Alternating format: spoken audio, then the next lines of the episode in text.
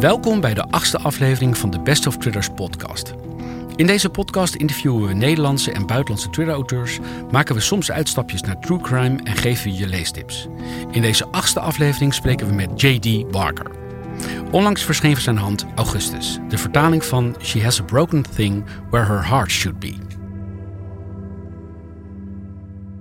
Mr. Barker, very welcome to this podcast. Thank you for your time.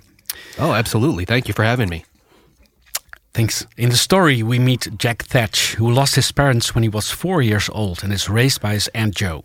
When he visits his parents' graves as a child, he meets Stella, a girl he falls in love with. The girl is accompanied by a strange woman in white clothes who takes the girl away driving in a white SUV.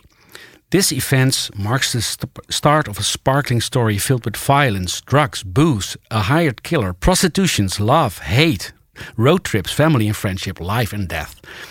Did you want to tell a big story from the start, or did it turn out to be that big in the writing process?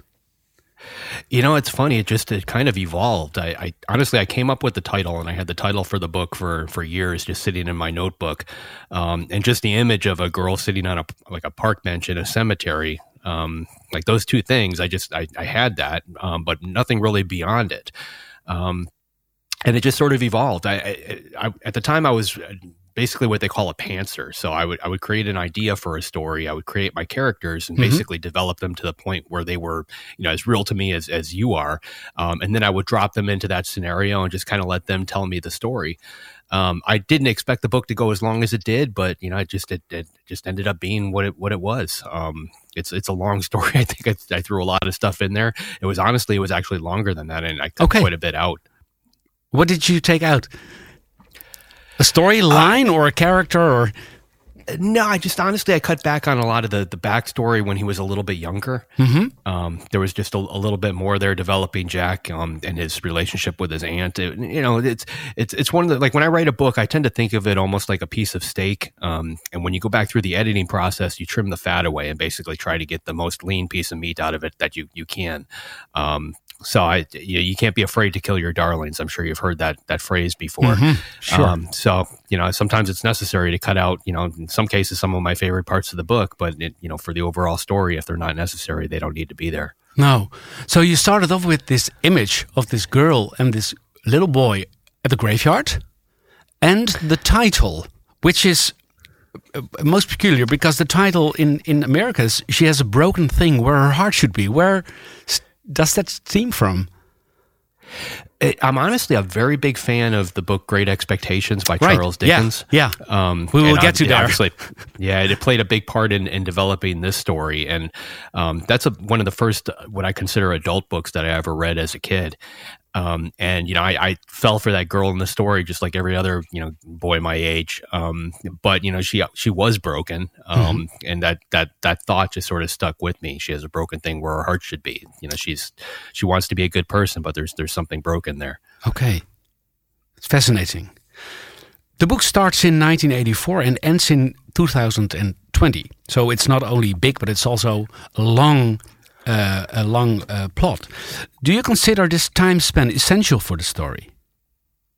I, I, think it was for this. I, I, really wanted the people that were reading it to feel like they knew the the characters. Um, and you know, I, I, considered the idea of just jumping in. You know, when when Jack was in his 20s mm-hmm. um, and somehow telling all this backstory through flashbacks or, or, something else, but it just didn't feel right. I, I honestly just wanted the story. You know, I, knew it was going to end up being longer, but I wanted it to just sort of flow naturally and you know, have the readers grow along with those characters and feel like they got to you know got to know them at, you know, through that process. Um, yes, it's just it's difficult to do that if you do it with with flashbacks. So you wanted to build it up in time. Yeah, just, just keep a, yeah. a, a keep a, a timeline that was consistent with with real life. Yes, well, I think it works very well. Your your book consists of six parts. Each part is introduced by a quote from Great Expectations. You already mentioned it, of the famous author Charles Dickens. Can you tell us something about the relation between your book and this classic story? Yeah, like I mentioned, it's you know it was a book that I read when I was a kid. Um, I've read it a bunch of times since then, and it tends to take on a different meaning for me every time I read it. The the older I get, you know, you, you tend to discover new things in, in those those types of stories. Mm-hmm. Um, but you know, ultimately, it was it was about that you know the boy falls for a girl and a girl falls for a boy, but she's basically not allowed to love him. Um, you know, other people in her lives are controlling her. Um, and that that just it really it struck something with me when when I was a kid, and it's just it's always you know always been there. So when I, I sat down to write this book, I, I tried to pull from those those childhood experiences. Um, I, I, grew up in the '80s, so it was kind of fun for me to be able to to jump back there a little bit yes. and, and, tell yes. some of those stories. Yeah, and a Great Expectations. You you you read it every year. No, no. I probably, I think I probably read it about six or seven times over my, my lifetime. I'm 51 now. Okay, um, so probably every every five or ten years or so. And and um, you keep on doing it? Do you think after writing this book? I, I do. I, there's just, there's a couple books that I, I do that with. I, I, still read Dracula on a regular basis, mm-hmm. um, and the Thomas Harris books, um, you know, about Silence of the Lambs or Red Dragon. Um, th- those are some of my favorites as well. Great. At some point in the story, you describe a certain Dewey Hobson, who reads books by Louis L'Amour, who writes a strange combination of suspense, science fiction, and western. Was it your intention to do the same? Because I, I as a reader, have read your book exactly uh, as a mix of those genres topped off with a love story.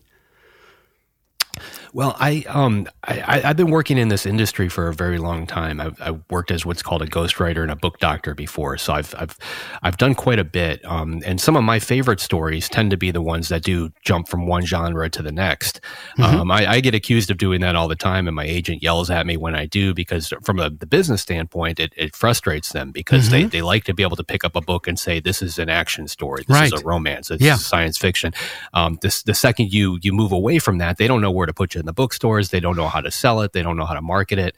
Um, but you know, honestly, for me, like I, I, just I enjoy writing the books. I enjoy telling the story, um, and I don't want to be pigeonholed into those those particular things. And I think right, you if you read my, my, you read my Wikipedia page, I think it yeah. says I'm a suspense author, and it you know with with touches of horror, touches of this, and touches of that. Um, you know, Dean Koontz is, a, is somebody that I, I, admire quite a bit. Um, I've been reading him my entire life, and and you know he does the same thing. He basically tells a story that he wants to tell. Mm-hmm. Um, it, but you know, as long as you have a common thread in there, in my case, it's suspense. Um, I, I think it still works. Sure, sure, it works uh, fantastic, and I think you're right. Not uh, wanting to be labeled at a certain genre because uh, life is too interesting for that.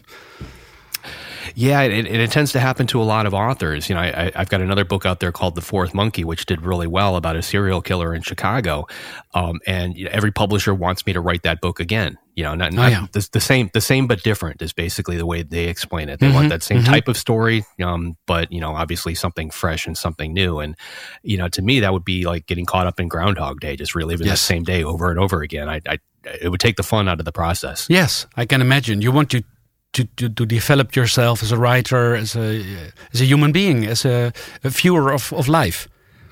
Yeah, absolutely. I mean, I, have been writing my entire life. You know, it's something that I did for fun long before people started to pay me to do it. Um, yeah. You know, but you, you, take the you take that fun out of it, and all of a sudden it turns into work, and, and nobody wants to work. No, probably probably it wouldn't work out also because if you miss the fun, you can't motivate yourself to write a story. Yeah, and, and that comes I across, I think, in, in, in the words. You know, I think the readers would probably pick up on that too. Oh, sure. Just yeah, they'll they'll tell um, they'll tell the difference. They know the difference between uh, a writer who is um, amused himself, who's intrigued himself, uh, in relation to authors who uh, are um, doing it from um, routine. Yeah, I mean, in a lot of ways, that you know, that this this particular book was a challenge to me because most of my other titles tend to take place over a very short amount of time. Mm-hmm. Um, you know, Fourth Fourth Monkey takes place over two or three days. Um, I've got a novel right now that I'm working on that takes place over one minute. Okay, um, it's basically okay. it's basically it's the, it's the last minute of the, of the world. Okay. Um, oh, that sounds um, fascinating so you know like i tend to stick to those shorter time frames so the mm-hmm. idea of writing a book that actually spans decades you know that was yeah. it was a daunting task but it was also a challenge that i wanted to try yes well you, you succeeded 36 years right? providing I don't keep the story going. Yeah, yeah. Well, it is. Um, as the story unfolds, uh, we find out that Jack and Stella have something important in common in their lives that has something to do with a medical experiment their parents took part of. In that experiment in the 70s, they were vaccinated by a pharmaceutical enterprise and got paid for that. Were such experiments normal in the time? Did you do research there? because in the story it um, it appears to be uh, like normal. Also, only it's a very uh, strange um, variant of it. Yeah, I, I, don't know if, if this took place in, in your part of the world, but here in the United States, particularly in the 70s and 80s, it was very common for people to volunteer for drug trials. They, they still do it today, uh, but it's, it's far more regulated than it was back then. Okay. Um, and, and, back then they, they tended to go to colleges, um, you know, college students in order mm-hmm. to try and do that, mainly because, you know, you've got a population that's younger, they're, they're healthy, uh, and they need money, you know, so wow. they'll, they'll, they'll, do some crazy things to themselves in order to, to pay the rent. Um, you know, it, it, doesn't take place quite as much anymore, but I'm mm-hmm. sure it still does on some level. Okay, so that's that's that's scary in itself, right?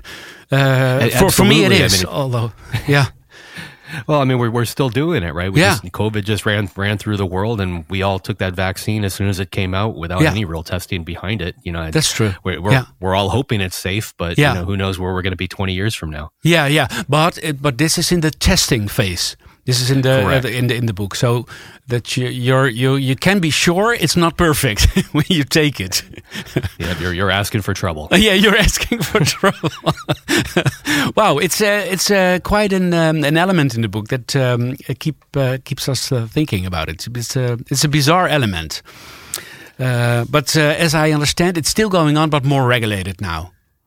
Correct. And probably it's going on in Holland as well. I, I just didn't heard it. I haven't heard of it. Do you know, Rose?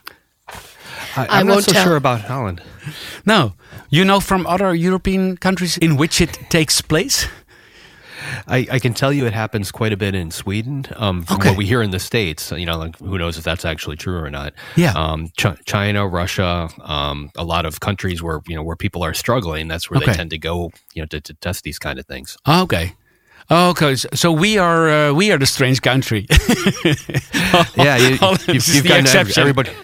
Everybody's all happy in the Netherlands. There's, there's no reason to do anything like that. They, they so. move, move, on to somebody else. okay. Um, um, we also dive into the lively drugs trade in Pittsburgh. Is it as bad and big as you describe? You know, it's it's it's getting worse. Um, not only in Pittsburgh, but pretty much all the major United States cities. Um, but Pittsburgh is is I, I, lived there for a couple of years. I, I don't live there anymore. Mm-hmm. I live in, in, in, New Hampshire, but um, it's going through a, a, weird metamorphosis. The city, you know, it, it, was obviously old. A lot of parts of it were were falling apart, and that brought in that you know nasty element of of people. Um, Google actually moved in there not too long ago. Um, mm-hmm. I guess about five or six years ago, um, and because of that, they brought so many jobs that were high paying jobs, um, it, it's basically turned around large portions of the city. You know, areas that were were slums and were falling down have been you know turned into some of the most expensive real estate in the state. Oh yeah. Um, so it's, it's strange how that sort of thing happens, but you know that all, all it really does is take these problem areas and it pushes them somewhere else. Um, you know, sometimes they just, you know, they might be just a couple streets over. Um, but you know, in, in all the major U.S. cities, we, we tend to have a major drug problem. Um, I don't think it's ever going to go away. It's always been there. Yeah. Um, and, and honestly, like I, I, live in New Hampshire now. If you go out into the more rural parts, up into the mountains, they've got a big drug issue, you know, problem up there as well. So yeah, it's, it's kind of everywhere. Okay, and it's getting worse as you started your answer. I understand. At least here in the in the states, it appears to be yes. Okay, okay. Well, it's it's um, also a heavy element in in the book and uh, very interesting. Uh, we'll take a short break of uh, one or two minutes in which uh, my colleague Roselinde Bouwman will uh, give some reading tips to the listeners. So, one more minute, please, Mr. Parker. Hallo Mark, daar ben ik weer Hi, met Roos. mijn leestips. Dankjewel alvast. We zitten hier inmiddels gelukkig in een warme studio, maar buiten is het ijzig koud. Dus ik dacht, laat ik drie boeken uitzoeken die zich uitstekend lenen voor dit weer. Uh, niet om naar buiten te gaan, maar om binnen te gruwelen bij het vrede lot van de mensen die wel besluiten om naar buiten te gaan in deze boeken. Het eerste boek wat daar uitstekend voor geschikt is, is November van Thomas Oldeheuvelt. Thomas is hier natuurlijk geweest op de podcast om over november te praten. Maar voor iedereen die toen nog niet overtuigd was om dit boek direct aan te schaffen, laat je nu overtuigen. November speelt in Bird Street in Washington, de gelukkigste straat van Amerika. De bewoners hebben gelukkige huwelijken, goede banen, grote huizen, zeer getalenteerde kinderen. Je gaat je steeds meer schamen naarmate je verder leest. Tot in november de donkerder dagen aanbreken. Dat zijn weken waarin het geluk zich tegen hen keert. Gelukkig kunnen de bewoners van Bird Street hun geluk wel weer terugkopen, maar tegen welke prijs? Tweede boek wat ik graag wil aanraden vandaag is Waar bloed bevriest van Charles Christian. Eric Amdaal gaat met zijn dochter Sophia op skivakantie diep voorbij de Noordpoolcirkel. Altijd een goed idee als je een hoofdpersoon in een thriller bent. Daar in de besneeuwde wildernis, waar de temperatuur ver onder nul draait, zijn zij getuigen van iets werkelijk verschrikkelijks. Iets waarvan ze weten dat het hen letterlijk en figuurlijk zal achtervolgen. Ze slaan op de vlucht, maar hun achtervolgers zitten hen inderdaad op de hielen. En zo moeten zij in een kat-en-muisspel zien te ontsnappen. Niet alleen van hun achtervolgers, maar ook van de gevaren van dat onherbergzame en onvergeeflijke sneeuwlandschap. De laatste tip van vandaag, helemaal in thema, ijskoud, van Isabel Ashdown. Als Eva wakker wordt, ligt ze niet in haar eigen bed. Ze ligt op zolder, met haar lichaam onder de blauwe plekken en de deur van buitenaf vergrendeld. Aan de andere kant van die deur zijn wel degelijk haar ouders, die beweren dat ze hier voor haar eigen veiligheid ligt. Maar waarom mag ze dan geen bezoek ontvangen? Waarom moet ze constant slaappillen slikken? En waarom wil niemand haar vertellen wat er precies is gebeurd tijdens dat ongeluk waar ze zogenaamd al die blauwe plekken heeft opgelopen? Om daar achter te komen, zal ze eerst van de zolder moeten ontsnappen. Wauw. De aarde warmt op, maar volgens mij wordt het steeds kouder komende weken in Nederland. Dus alle tijd en gelegenheid om deze drie ijskoude thrillers te gaan lezen. Alle tijd. Dankjewel, Roos. Mr. Barker, back to your Yes, beautiful book. Drinking alcohol gets more and more important for Jack as he gets older. Where most people drink to get together, Jack drinks to be alone, you write. Very beautiful. Why does Jack want to be alone in your vision? I, I think in a lot of ways he's always been alone. Um, you know, he lost his parents at a very very early age, and he was raised by an aunt. But even that that aunt was was off working most of the time. Um, you know, she's a waitress, so she had to put in a lot of hours in order to support the family. Um, so she wasn't around. So he he basically grew up, you know, in a lot of ways by himself. Um, I based a lot of this on a friend of mine um, when I was a kid. Uh, he lived uh, two houses down from us, um, and it was the same situation. He, he lost his father very early, um, and his mother worked all the time. So you know, even from you know early on, six seven years old, he would come home from school and he would make himself dinner, and he would have to put himself to bed, and you know, like all the things that parents normally do, he he was already doing on his own. Um, you know, so he was basically an adult at in a you know at, when he was still a child. Yes. Um, so I pulled pulled quite a bit from that, um, and that's a very you know solitude uh, existence. I think for for anybody. yes. Um, and I and I think that's one of the reasons why why Jack tends to lean towards drinking. I mean, and he, he has a, a lot of things that, that go wrong early in his life, along with all this. You know, just every time, you know, he's a, he's a positive guy, but at the same time, every time he picks himself up, you know, three more things seem to come at him and knock him back down again. Yes. Um, and at, at some point, it just takes a toll. So then he thinks I should be alone because when I get into contact with other people, uh, things tend to go wrong. Exactly. Okay. Yeah. And do you think that has something to do with him being alone at a very early stage? So it's on the one hand, we think it's a sad vision, of course, but do you think people then tend, as a, as they get older, to stay alone? I think they do. I think it just becomes ingrained in us. It, it became part of his personality, and he got to the point where he was more comfortable with his own company than he was with other people. Right. Yeah. And therefore, he uh, he needs to drink Yeah, to get yeah to get um, uh, isolated to cope, To Yeah, cope with and it. to cope with yeah, and to cope With with, the all the, loneliness. yeah, the loss that he's had and the problems that have occurred. Yeah, yeah. The bad guys in the story are dressed in white, driving around in white cars, working in a complete white building, both on the inside and on the outside. Why did you choose for this color? You know, it was it was kind of funny. It, it it came out of just seeing other cars in traffic. Um, you know, I, I realized that you know white is one of those colors that's very common in, in automobiles, um, not so common in, in clothing and coats and things like that. Not to the level that I, I use it in this book, um, but I wanted to create a particular paranoia with, within Jack. Um, so I wanted him to start seeing these people everywhere, whether they were actually there or not. Okay. Um, so he, you know, at some point, basically every white car to him is probably them. Anybody Yes. who's wearing white, there's a good chance they work for them, like that, that, that type of thing. Okay, so it was not about um, uh, the first impression you get with white, like not guilty. No, no, not at all. I, I, Okay. I think if anything, I, I pulled from the opposite of that. Yeah, I guess I just wanted to twist it a little bit. Yeah, well, that's great. Um, there are a lot of moments in the book where Jack has to choose between two or more evils. Has this fact only got to do with you as a writer, or is it also based on the way you look at life? I, I think it's a little bit of both. Um, a lot of times in, in fiction and television, those types of things, the decisions tend to be very black or white. You know, you know, you either go down, go through door A or door B. Um, in, in real life, I think everything is a lot more gray than that. Um, there's not necessarily a right answer or a wrong answer. Everything kind of falls somewhere in between. Um, every decision has consequences. So I was I was trying to pull from that a little bit.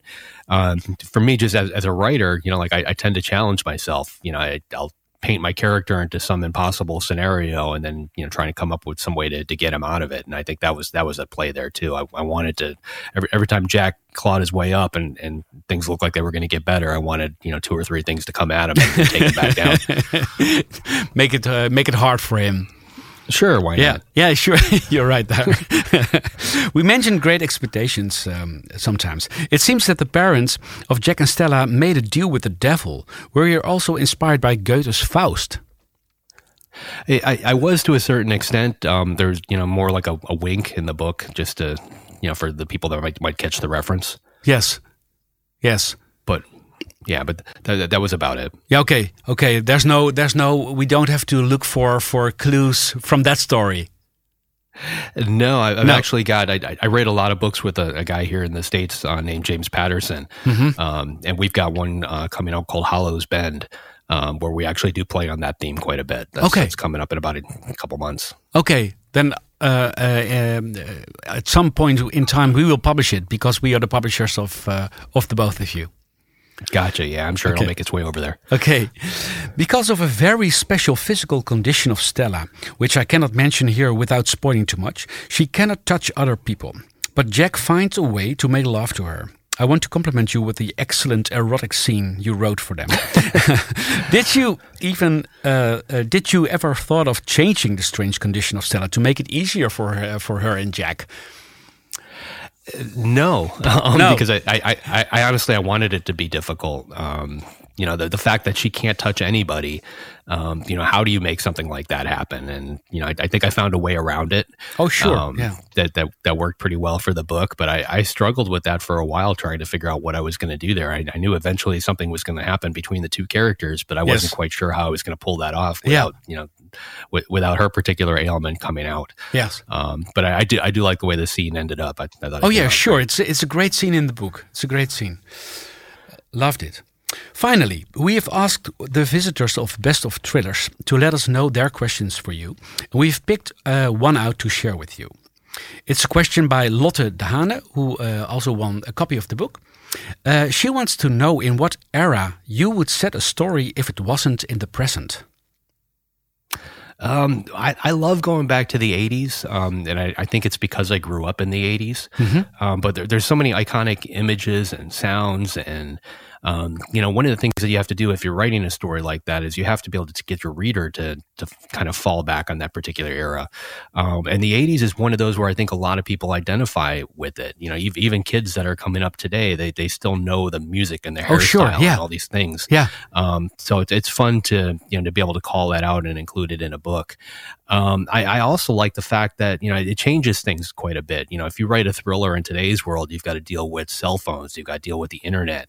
Um, you know, it, it's difficult for somebody to disappear. Um, you know, because there's so many different ways to, to track them. But if you jump back to the '80s, I, think you know it's it's the exact opposite of that. When when I was a kid, we would basically get up on a Saturday morning and we'd go out the front door, and we didn't have to be home until dinner time. Like No. when it started getting dark, that's when we had to be home, and our, our parents had no idea what we were doing or where we were. Yes. Um, you know, a lot, uh, part of me misses that. Um, so it's you know, it's, it's fun to be able to touch on it in a book. Yeah, sounds like my life. I'm 53, so it's uh, and it was the same here. Yeah, a good time to write about it. And um, you told us um, um, at the start of the interview that you are now working at the new novel, which takes one minute, which is a story That- about one minute, the last minute of humanity. That's yeah, that's that's one of the ones I'm working on. I've got three different Oh, books wow. right now in, in various various stages happening on my, my computer. Yes, well, looking forward to that one uh, for sure. I've very much enjoyed uh, Augustus, as your book is called here, and I want to recommend it to all our uh, uh, listeners. And I want to thank you so much for this interview and your time. Oh, thank you for having me. I appreciate it. Okay, I hope to meet you sometime. Dit was de achtste aflevering van de Best of Thrillers podcast. Eerder sprak ik met Nathalie Pagui, Floris Kleine, MJ Arlich, Thomas Oldeheuvelt, Harriet Thijs, Carla Kovic en Robert Brinsa. Bezoek voor meer informatie over thrillers de FB-pagina of de Instagram-pagina van Best of Thrillers. Dank voor het luisteren en tot de volgende Best of Thrillers podcast. Vind je dit nou een goede podcast? Beloon ons dan met je sterren.